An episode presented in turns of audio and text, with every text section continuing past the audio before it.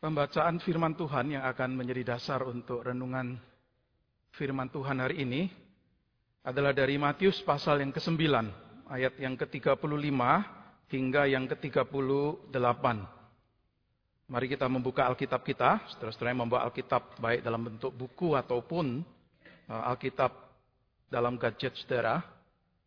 Mari kita melihat Matius pasal yang ke-9, ayat yang ke-35 hingga ayat yang ke-38.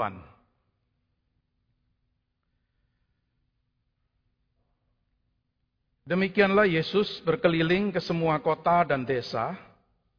Ia mengajar dalam rumah-rumah ibadat dan memberitakan Injil Kerajaan Surga, serta melenyapkan segala penyakit dan kelemahan. Melihat orang banyak itu, tergeraklah hati Yesus oleh belas kasihan kepada mereka karena mereka lelah dan terlantar seperti domba yang tidak bergembala.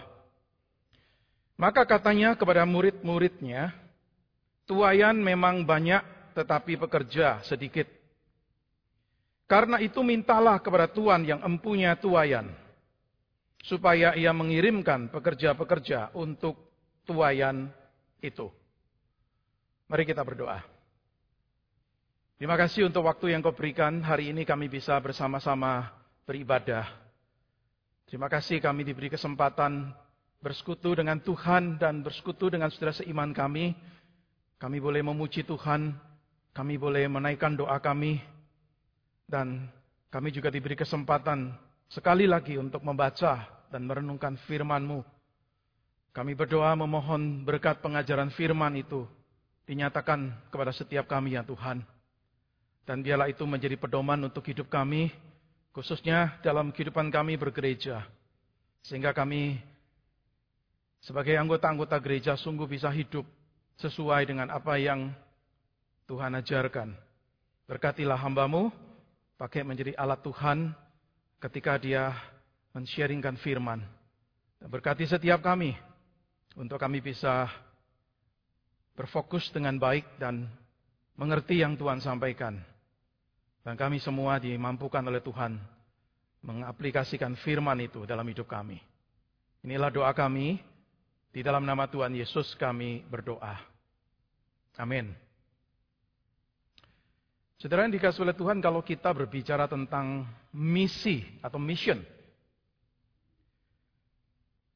Cukup sering perikop yang baru saja kita baca itu dikutip atau dipakai atau dijadikan sebagai salah satu dasar berbicara mengenai misi. Saudara kenapa sering dipakai atau sering dikutip? Karena perikop ini diyakini memang mengajarkan tentang misi atau paling tidak memberikan dorongan untuk misi. Perkataan Yesus yang terkenal di sini adalah tuayan memang banyak tetapi pekerja sedikit. Ayat 37. Saudara ini statement misi yang yang sangat dikenal sekali. Saudara tuain yang banyak itu menggambarkan banyaknya orang-orang yang perlu dibawa untuk mengenal Tuhan, banyaknya orang-orang yang perlu untuk mendengar berita Injil, atau banyaknya orang-orang yang perlu dibawa kepada pertobatan. Dan inilah kebutuhan di ladang misi yang dilihat oleh Yesus. Tuayan banyak, tetapi pekerja sedikit. Saudara ini tantangan besar di dalam misi. Maka sering kali saudara berdasarkan ayat ini, kita sebagai orang percaya atau gereja didorong untuk apa? Untuk membawa berita keselamatan kepada orang-orang yang tidak percaya atau belum percaya. Orang-orang yang perlu dibawa untuk mengenal Tuhan yang jumlahnya banyak seperti tuayan yang begitu banyak. Dan dikasih oleh Tuhan kalau kita membaca dan memahami perikop ini dari perspektif misi dengan penekanan pada penjangkauan untuk orang-orang yang tidak percaya atau belum percaya, itu bukan hal yang salah. Tetapi saya ingin mengajak saudara untuk melihat lagi perikop ini. Mengajak saudara untuk memahami perikop yang sudah tidak asing bagi kita ini dari perspektif yang lain. Saudara kalau saudara perhatikan baik-baik perikop ini, konteks dari kisah yang kita baca menunjukkan bahwa Yesus bukan sedang melayani atau memberitakan Injil kepada orang-orang non-Israel yang tidak mengenal Allah, supaya akhirnya mereka mengenal Allah. Sekali lagi, Saudara Yesus melayani dan memberitakan Injil bukan kepada orang-orang non-Israel yang belum mengenal Allah supaya dibawa mengenal Allah. Saudara kalau kita perhatikan di sini, Yesus itu mengajarnya di mana? Memberitakan Injil di mana? Dikatakan di rumah-rumah ibadat. Saudara rumah ibadat itu rumah ibadah, rumah sembahyangnya orang Yahudi. Mereka beriman pada Allah. Maka mereka rutin beribadah. Jadi saudara Yesus melayani dan memberitakan Injil kerajaan ini kepada orang-orang Israel yang notabene sudah mengenal Allah dan sudah percaya kepada Allah. Dan kenapa Yesus perlu mengajar dan memberitakan Injil pada mereka? Karena Yesus ingin untuk mereka dibawa pada pengenalan akan Allah dan pemahaman iman yang lebih tepat, lebih benar. Atau dengan kata lain, dalam misi Yesus saat itu adalah misi untuk mengklaim kembali umat yang sudah percaya, orang-orang percaya ini, domba-domba milik Allah. Misi Yesus dan para murid yang kemudian diutus oleh Yesus di pasal yang ke-10 adalah pergi mencari siapa? Dikatakan di pasal 10 ayat yang ke-6 mencari domba-domba yang hilang dari umat Israel. Domba-domba yang lost. Dengan kata lain saudara kita bisa mengatakan begini. Misi Yesus yang pertama-tama. Bukanlah mempertobatkan orang-orang pagan atau orang-orang yang gak beragama. Atau orang-orang yang mungkin saat itu disebut kafir. Bukan. Sudah hal pertama yang Yesus lakukan untuk menegakkan kerajaan Allah atau pemerintahan Allah di dunia adalah apa? Memperbaharui umat Allah sendiri yang hidupnya sudah tidak sesuai dengan apa yang Tuhan kendaki. Sudah ini misi Yesus. Jadi sudah kalau kita kaitkan konteks Yesus saat itu di cerita yang tadi kita baca dan konteks kita sekarang, maka saya, saya ingin mengajak saudara untuk melihat perikop ini, utamanya, ya lagi penekanan saya, perikop ini utamanya bukan nasihat atau dorongan dari Yesus untuk menjangkau orang-orang yang tidak percaya bagi dia. Bukan.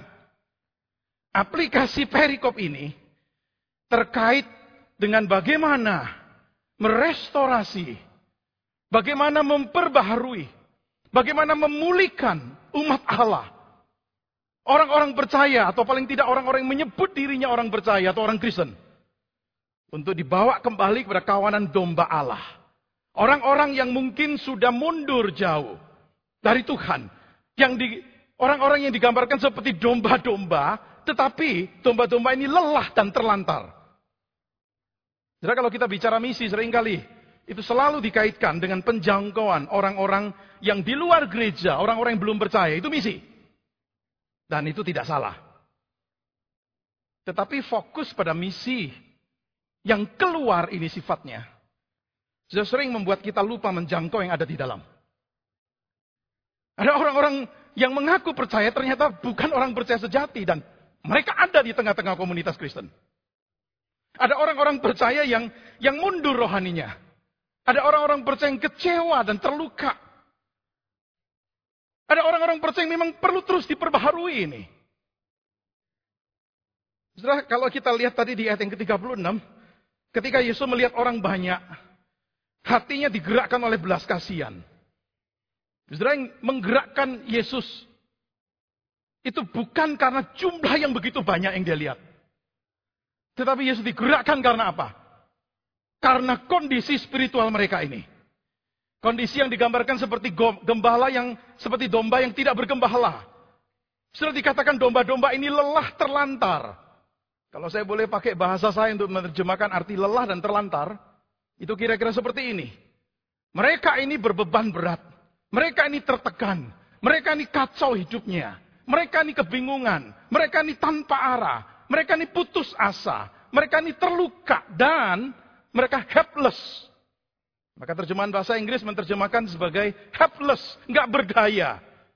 Kalau mereka jatuh, mereka tidak bisa bangun dengan diri mereka sendiri, dengan kekuatan mereka sendiri, dan tidak ada yang menolong, dan tidak ada yang memperhatikan. Saudara ini konteks domba-domba yang lelah dan terlantar ini. Nah saudara domba yang tidak bergembala berada dalam keadaan bahaya. Kenapa? Karena bisa jadi mangsa empuk dari predator atau penyerang-penyerangnya. Saudara domba adalah binatang yang nggak bisa membela diri. Tanpa gembala, jadi sasaran empuk untuk para penyerang. Bahkan kalaupun tidak ada penyerang, Domba tanpa gembala itu berada dalam kesulitan untuk cari makanan atau cari minuman sendiri. Karena memang domba itu binatang yang tidak pintar. Maka mereka membutuhkan gembala untuk bisa apa? Untuk bisa dibawa ke rumput yang hijau dan ke air yang tenang. Itu domba. Selain dikasih oleh Tuhan ungkapan domba yang tidak bergembala. Itu beberapa kali muncul di perjanjian lama. Dan setiap kali muncul, Selalu dikaitkan dengan apa? Selalu dikaitkan dengan kegagalan pemimpin Israel mengembalakan umat Allah.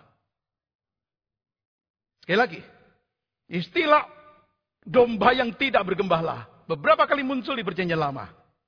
Dan selalu dikaitkan dengan apa? Kegagalan pemimpin Israel untuk mengembalakan. Artinya, sudah kalau ada pemimpin yang baik, maka umat Allah itu akan digambarkan seperti punya gembala. Yosua dipilih menggantikan Musa. Kenapa? Alkitab mencatat begini, supaya umat Tuhan jangan hendaknya seperti domba yang tidak punya gembala. Jadi dipilih Yosua untuk apa? Untuk itu. Daud dipilih jadi raja, supaya apa? Alkitab mencatat, supaya dia menggembalakan Israel umat Allah. Tetapi sayangnya memang, di perjanjian lama ditunjukkan tidak semua pemimpin Israel menjalankan peran sebagai gembala yang baik. Dan salah satu perikop yang terkenal di perjanjian lama adalah Yeskiel pasal 34. Sudah Tuhan menegur gembala-gembala yang disebut gembala yang jahat. Tuhan berkata begini, celakalah gembala-gembala Israel yang mengembalakan dirinya sendiri Bukankah domba-domba yang seharusnya digembalakan oleh gembala-gembala itu? Kamu menikmati susunya, dari bulunya kamu buat pakaian, yang gemuk kamu sembelih, tetapi domba-domba itu sendiri tidak kamu gembalakan. Yang lemah tidak kamu kuatkan, yang sakit tidak kamu obati, yang luka tidak kamu balut, yang tersesat tidak kamu bawa pulang, yang hilang tidak kamu cari, melainkan kamu injak-injak mereka dengan kekerasan dan kekejaman. Dengan demikian, mereka berserak oleh karena gembala tidak ada. Dan mereka menjadi makanan bagi segala binatang di hutan. Domba-dombaku berserak dan tersesat di semua gunung dan di semua bukit yang tinggi. Ya, di seluruh tanah itu domba-dombaku berserak tanpa seorang pun yang memperhatikan dan yang mencarinya. Setelah ini kondisi di zaman Nabi Yeskiel. Dan kondisi seperti itu masih ada di zaman Yesus. Maka ketika Yesus melihat domba-domba itu, Yesus melihat mereka itu seperti domba yang tidak punya gembala. Bukan karena sama sekali tidak ada gembala, bukan. Ada gembala. Pemimpin-pemimpin rohani Israel.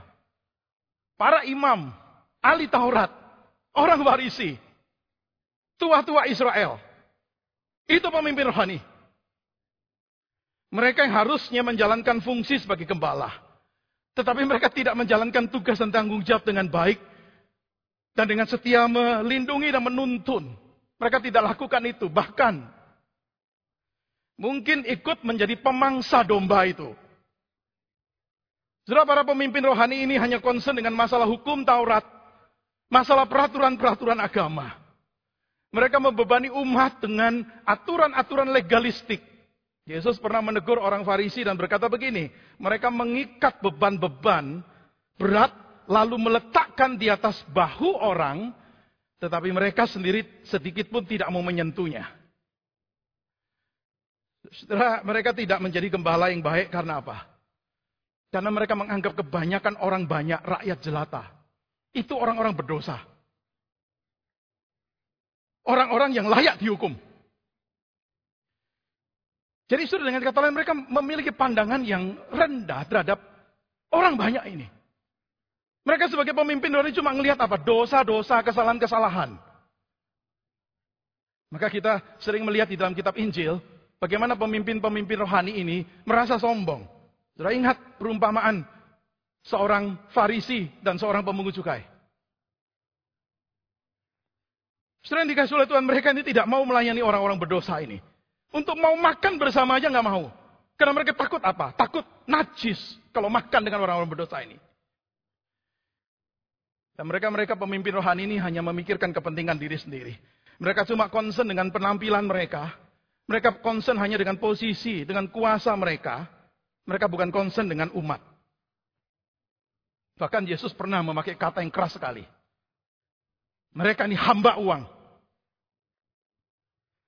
Sudah jadi pemimpin-pemimpin tim menelantarkan orang banyak yang tidak berdaya ini.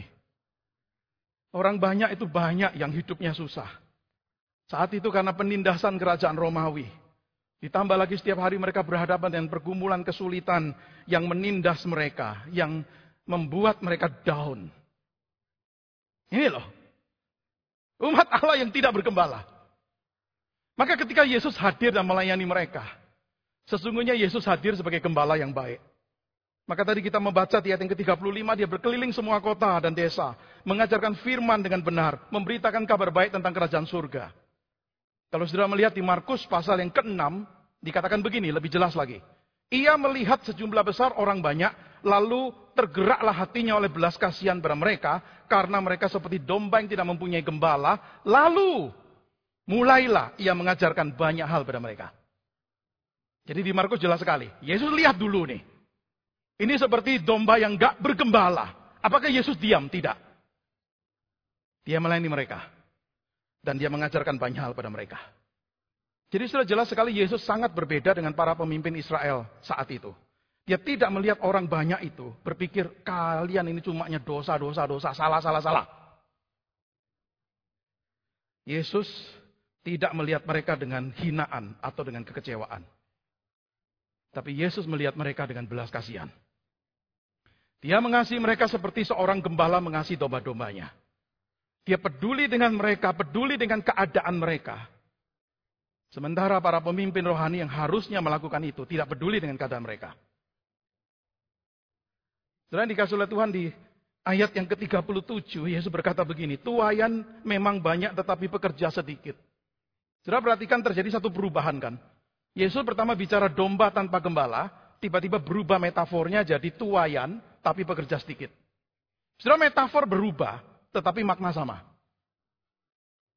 Sudah tuayan yang banyak itu menggambarkan apa? Ini loh orang-orang seperti domba yang memang butuh digembalakan.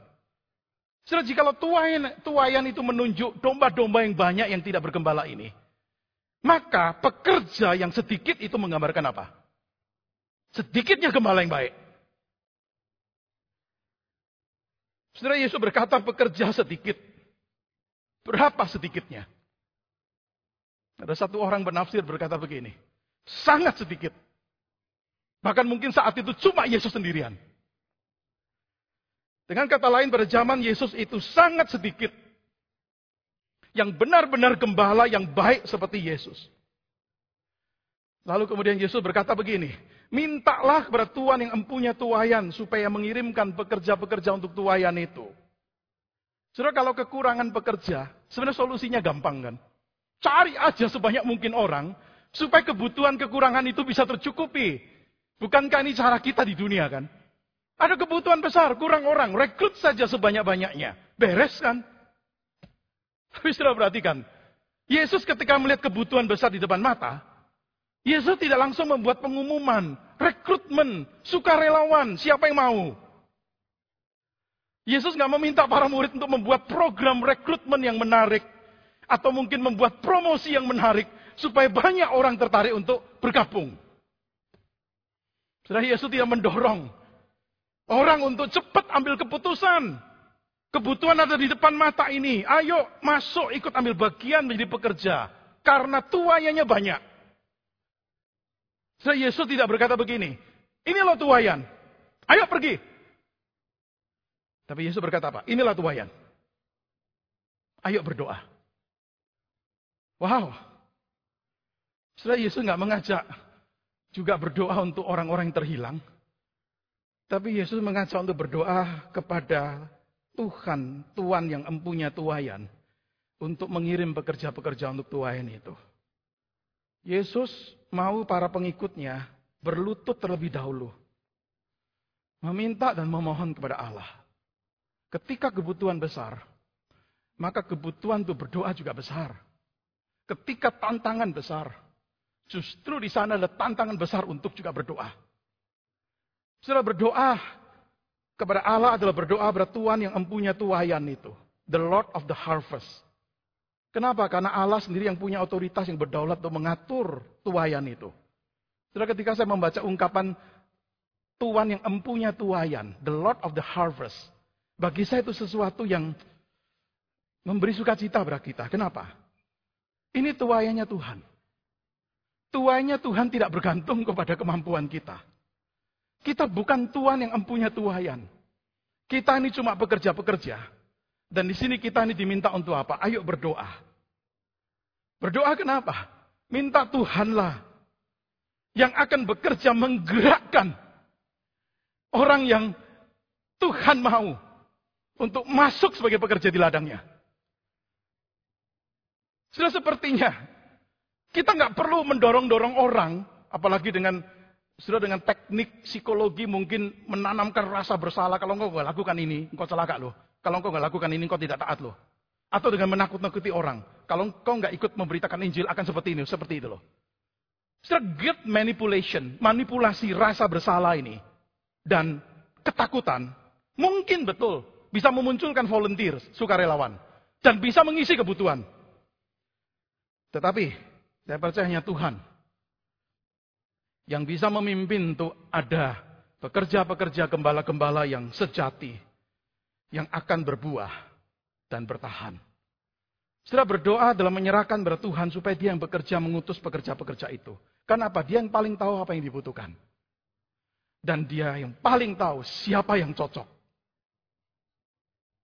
Saudara kalau kita tahu atau kita berada pada sikon seperti yang digambarkan di dalam Matius 9 ini. Kalau kita tahu ada pemimpin-pemimpin gembala yang tidak memperhatikan umat, yang membuat hidup umat itu makin buruk dan tidak menunjukkan belas kasihan, maka kalau kita berdoa, pertanyaannya begini, macam orang yang bagaimana yang kita mohon pada Allah? Macam orang yang bagaimana yang kita perlukan? Yang kita minta kepada Allah untuk dikirimkan ke ladangnya. Kalau kita udah lihat situasi yang seperti itu, nggak ada pemimpin yang baik, Gak ada gembala yang baik. Sudah ketika kita berdoa, macam orang yang bagaimana yang kita minta kepada Tuhan. Saya yakin jawaban saudara pasti seragam. Akan minta kepada Tuhan untuk dikirim orang-orang yang memiliki hati hamba seperti Yesus. Dan yang mau melayani seperti Yesus. Kita melihat Yesus di ayat 35 itu berkeliling. ke sana ke sini sendirian. Capek memang. Dan Yesus tahu tidak mungkin dia bisa kerja sendirian. Maka kemudian dia nanti memanggil para murid itu. Tapi ketika Yesus meminta para murid ini, berdoa, minta. Setelah Yesus berkata begini sepertinya. Berdoalah kepada Tuhan supaya mengirim pekerja-pekerja itu. Mintalah kepada Tuhan untuk mengirimkan pada orang banyak itu. Orang-orang atau pekerja-pekerja yang betul-betul mengenal, mengerti Injil kerajaan itu. Mintalah kepada Tuhan. Karena orang-orang ini butuh pemimpin-pemimpin yang betul-betul care untuk mereka. Yang mengasihi mereka. Yang mencari mereka ketika mereka terhilang. Bukan memanfaatkan domba itu. Bukan mengambil keuntungan dari domba itu. Bukan menindas mereka. Ini orang-orang ini sudah siap. Yesus katakan, ini Tuhan yang banyak nih. Mereka perlu dikasihi, mereka perlu diperhatikan. Minta kepada Tuhan. Untuk Tuhan kirim pekerja atau gembala yang betul-betul seperti Yesus melayani umatnya ini. Saudara, setelah perikop kita yang tadi kita baca Matius 9 selesai. Matius 10 itu Yesus memilih para murid dan mengutus mereka. Di Lukas pasal 6 dicatat begini, sebelum Yesus memilih dan mengutus mereka, Yesus berdoa semalaman. Artinya mungkin banyak kandidat yang lain. Yesus sungguh-sungguh berdoa minta. Dan di Lukas 6 tercatat setelah dia berdoa semalaman, besoknya dia yang memutuskan untuk memilih, mengutus 12 ini. Di Matius pasal yang ke-9, 10 tidak kelihatan bagian itu. Sudah ketika Yesus memilih, memanggil, dan mengutus 12 murid ini. Dia berdoa, saya percaya tentu dengan harapan. Ini orang-orang yang akan jadi pekerja yang baik, gembala yang baik. Yesus minta mereka berdoa. Tuhan kirim pekerja yang baik. Tapi orang yang berdoa harus siap. Kalau dia sendiri yang diutus. Para murid diminta berdoa. Kirim Tuhan pekerja-pekerja yang baik, gembala-gembala yang baik. Tidak lama kemudian mereka yang dipilih untuk diutus. Jadi kita perlu berdoa supaya ada pekerja-pekerja orang-orang, gembala-gembala yang akan berespon dari kebutuhan. Tetapi ketika kita berdoa untuk orang-orang itu, mungkin Tuhan menjawab doa itu dengan mengutus kita. Jadi saudara ketika Yesus mengatakan Tuhan banyak pekerja sedikit, mintalah pada Tuhan yang mempunyai Tuhan supaya mengirimkan pekerja-pekerja untuk Tuhan itu. Dia bukan hanya bicara tentang kebutuhan pekerja-pekerja dalam jumlah yang lebih banyak. Tetapi yang lebih penting adalah kebutuhan akan pekerja-pekerja yang baik dan benar. Yang betul-betul punya hati gembala seperti Yesus. Saudara kebutuhan yang lebih penting di ladang Tuhan. Saya percaya bukan sekedar jumlah pekerja tetapi kualitas pekerjanya. Sudah apa gunanya banyak pekerja di ladang Tuhan, tetapi hidup mereka tidak memuliakan Tuhan dan tidak jadi berkat. Maka salah kalau kita beranggapan solusi satu-satunya untuk kurangnya pekerja adalah mengirim sebanyak mungkin pekerja. Kita berpikir sudah solusinya itu. Kualitas tidak lagi diperhatikan. Yang penting bisa memenuhi ladang Tuhan. Sudah saya percaya bukan seperti itu. Para pekerja yang baik adalah orang-orang yang betul-betul diutus Tuhan. Bukan orang-orang yang memilih diri sendiri yang mengangkat diri sendiri. Jikalau Allah benar-benar mengutus orang seperti ini, sudah mereka akan setia. Tapi jikalau bukan Allah yang mengutus, mungkin orang-orang seperti ini terjun masuk dalam pelayanan penuh waktu. Tetapi ketika keadaan menjadi sulit, mereka meninggalkan domba-domba itu. Mereka meninggalkan pekerjaan penuaian itu dan pulang. Kenapa? Karena mereka gembala-gembala palsu atau pekerja-pekerja upahan. Bahkan mungkin salah satu cara untuk kita tahu bagaimana seorang pekerja itu benar-benar diutus Tuhan. Adalah apakah mereka meninggalkan pekerjaan penuaian itu. Meninggalkan domba-domba itu ketika berada dalam kesulitan. Setelah kiranya Tuhan memberikan pekerja-pekerja yang seperti ini di zaman kita sekarang. Ini kebutuhan yang dilihat Yesus zamannya. Saya percaya ini juga kebutuhan di setiap zaman termasuk zaman kita sekarang. Kita melihat satu realita yang menyedihkan di zaman kita. Tidak sedikit orang mau jadi pekerja rohani di ladang Tuhan, tetapi dengan tujuan untuk kepentingan sendiri. Kebutuhan akan pekerja-pekerja yang menjadi gembala adalah penting. Sudah jikalau dalam kekristenan, dalam gereja, kekurangan pekerja-pekerja rohani yang baik, siapa yang akan bisa memberikan arahan moral atau arahan spiritual? Suara arahan moral dan spiritual dari gereja mungkin makin tidak dipedulikan, makin dianggap tidak penting. Jangan-jangan salah satu penyebabnya adalah kekurangan atau kehilangan kepercayaan. Para para gembala atau para pekerja karena melihat ada yang tidak beres dalam hidup mereka. Sudah panggilan Yesus kepada para murid. Saya percaya juga panggilan Tuhan untuk kita zaman sekarang. Sekarang ini dan di sini. Kita dipanggil minta kepada Tuhan. Berdoa kepada Tuhan. Supaya mengutus pekerja-pekerja yang baik. Urgensinya tetap sama dari dulu sampai sekarang. Kenapa? Karena tuhayan banyak. Tuhayan tidak berkurang. Mari kita renungkan hal ini. Maukah saudara berdoa kepada Allah supaya ada pekerja-pekerja yang baik di ladang Tuhan? Di GKI Grandville ini. Maukah saudara berdoa kepada Allah Supaya pekerja-pekerja yang sudah ada terus dibentuk oleh Tuhan. Sehingga mereka tidak menjadi pekerja-pekerja jahat yang hanya pikirin diri sendiri dan tidak memikirkan domba-domba Allah. Saudara, jika kita rindu gereja memiliki rohaniwan-rohaniwan, gembala-gembala, pekerja-pekerja yang baik, berdoalah. Doakan yang ada. Tidak ada pekerja yang sempurna. Pasti setiap pekerja ada kelemahan, ada kekurangan. Tetapi biarlah yang dilakukan pertama-tama bukan mengkritiknya, tetapi mendoakannya. Berapa banyak waktu yang kita pakai mendoakan para rohaniwan dibandingkan dengan banyaknya waktu kita ngomongin rohaniwan. Sudah banyak rohaniwan sangat butuh didukung dalam doa. Mereka berdoa untuk jemaat. Tapi siapa yang mendoakan mereka? Maukah saudara membuka diri kepada Tuhan? Bersedia untuk dipilih, dipakai oleh Tuhan di ladangnya jika akhirnya dia yang memanggil. Sama seperti para murid. Diminta berdoa. Pasal berikutnya mereka yang diutus. Maukah saudara? Mari kita berdoa.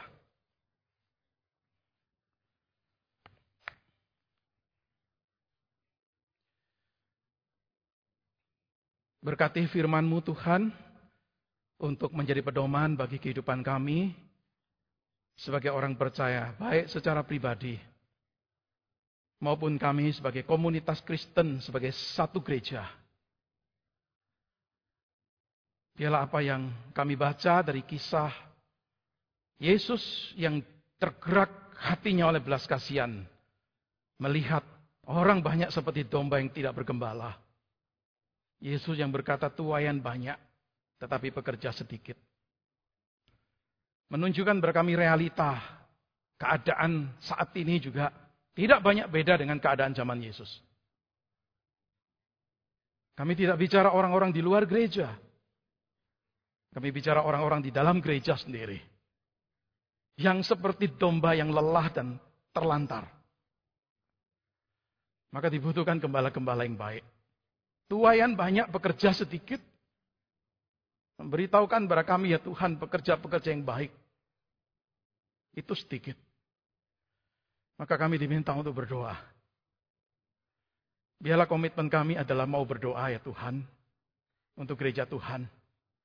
Supaya diutus pekerja-pekerja yang baik. Kami berdoa untuk pekerja-pekerja yang sudah ada. Supaya Tuhan terus bentuk mereka. Sehingga mereka terus dibentuk jadi pekerja-pekerja yang baik. Nah mungkin untuk kebutuhan di ladang Tuhan. Kami bukan hanya dipanggil untuk berdoa. Tapi kami juga dipanggil untuk terbuka. Kalau akhirnya Tuhan sendiri yang memilih memanggil kami. Berkati firman-Mu untuk jadi pedoman untuk hidup kami. Di dalam nama Tuhan Yesus kami berdoa. Amin.